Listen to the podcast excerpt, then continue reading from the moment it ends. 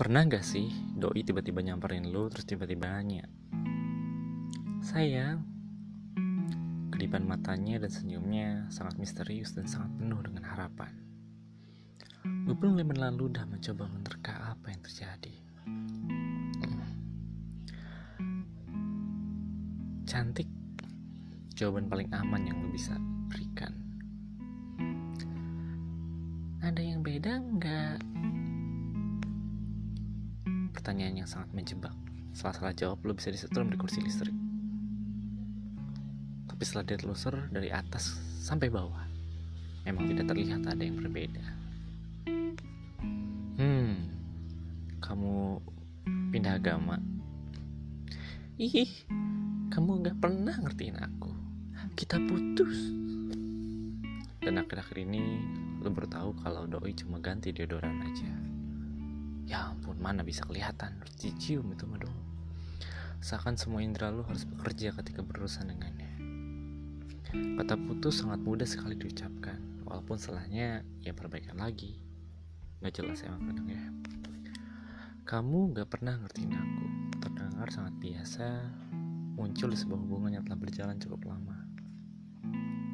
Namun berhati-hatilah, karena bisa jadi momentum ini akan menjadi landasan ragu yang berujung pada pasangan selingkuh ataupun putus. Putus. Nggak balik lagi. Ya karena sudah bosan gue ngebahas hubungan yang berakhir. Sekarang gue coba bakal ngebahas tips bagaimana sebuah hubungan bisa bertahan lama atau langgeng. Seribu tahun kalau bisa biar kayak lampu Philips. Love language bahasa cinta. Didefinisikan saja sudah sulit sekarang kita mencoba berkomunikasi dengannya. Sebenarnya hal ini gue baru pelajari ketika sahabat gebetan gue bilang kalau gue ini bego sampai kubun-ubun karena salah langkah dalam PDKT. Ya, first impression dan menjaga momentum itu emang penting.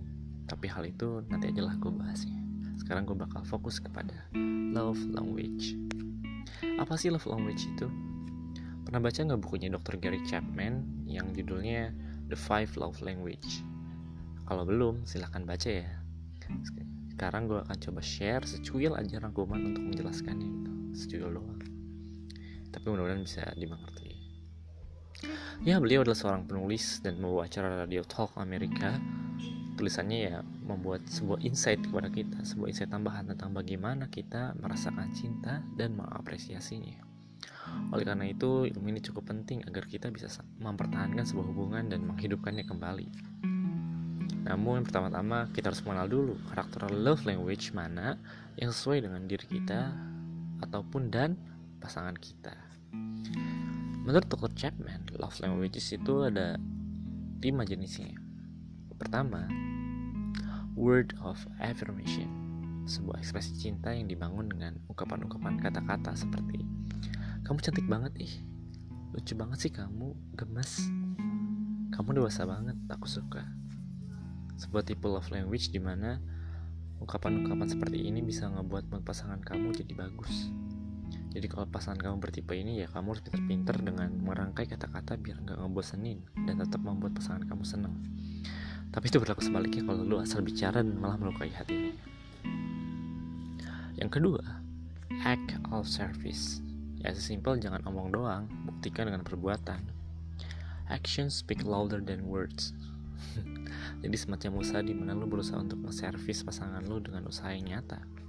Semisal ngejemput doi pas pulang kerja, masakin bekal, pokoknya nolongin doi kalau terlihat lagi kesusahan. Ya untuk tipe ini ya kita harus siap siaga dalam kondisi darurat yang datang tiba-tiba. Datang bak superhero walaupun tanpa kekuatan super. Cuma punya sihir yang namanya selalu ada. Ya jadi tipsnya jangan mageran kalau pasangan kamu bertipe ini. Ketiga, receiving gifts. Bukan berarti ya jadi materi gitu karena ya seneng sama hadiah ya. Karena terkadang diberikan hadiah ya menjadi bentuk apresiasi dan sebuah tanda agar pasangan atau agar diri pasangan itu atau diri sendiri itu kayak ngerasa diperhatikan ya gak sih?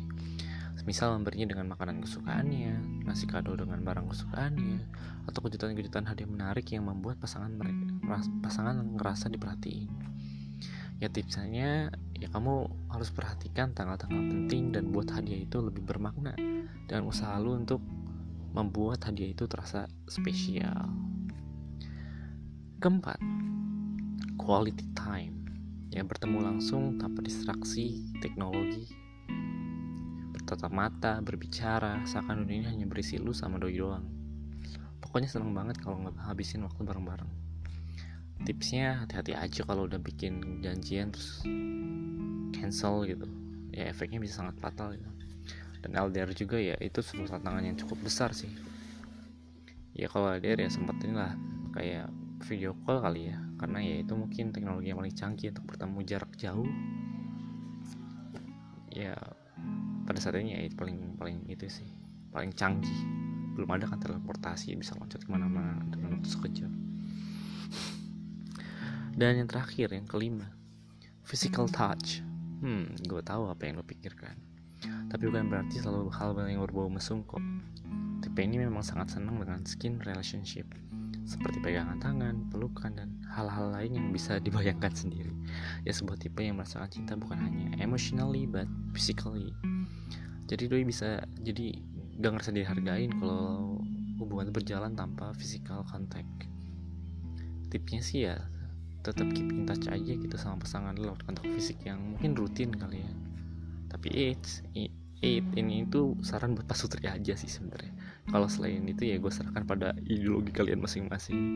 Tapi sesuatu yang dilakukan berlebihan itu dilihat dari mana pun kurang baik nggak sih? Itu deh kelima tipe love languages yang digagas oleh Dr. Gary Chapman. Lu tipe yang mana? Atau lu juga udah tahu tipe pasangan kamu yang mana? Sebenarnya dalam sebuah hubungan semua hal itu tetap diperlukan nggak sih? Karena memang mungkin tiap orang punya ya mungkin perbedaannya ya walaupun kita semuanya perlu lima jenis itu ya mungkin ada yang dominan salah satunya. Ya dan itu juga mungkin bergantung pada pengalaman hidup atau track record hidup yang udah dia lewatin gitu seorang yang udah lewatin karena boleh jadi seorang yang dengan tipe love affirmation sangat jarang sekali diapresiasi dengan kata-kata sehingga merasa dicintai dan dihargai jika ada seseorang yang melakukannya Begitu juga dengan tipe-tipe lainnya. Ya mudah-mudahan tips ini dapat digunakan dengan sebagaimana mestinya dan bermanfaat ya. Hah? Gue? Gue yang mana ya? Ya mungkin quality time sih karena gue mungkin seneng banget saling tatap mata nggak tahu juga sih I don't know seneng aja gitu. Kalau lu? By the way makasih ya udah mau dengerin walaupun kadang isinya suka nggak jelas. Dan silahkan DM gue di Instagram atau yang lainnya ya it's okay. Kalau mungkin ada kritik dan saran kalau mau ngobrol buat saling berbagi cerita pengalaman ilmu it's okay fine. Walau gue seorang pemalu dan tidak terlalu senang berinteraksi sosial gue seneng kok ngobrol deep in gitu secara quality dengan seorang ya untuk saling berbagi pikiran. And hope you like it. Ciao.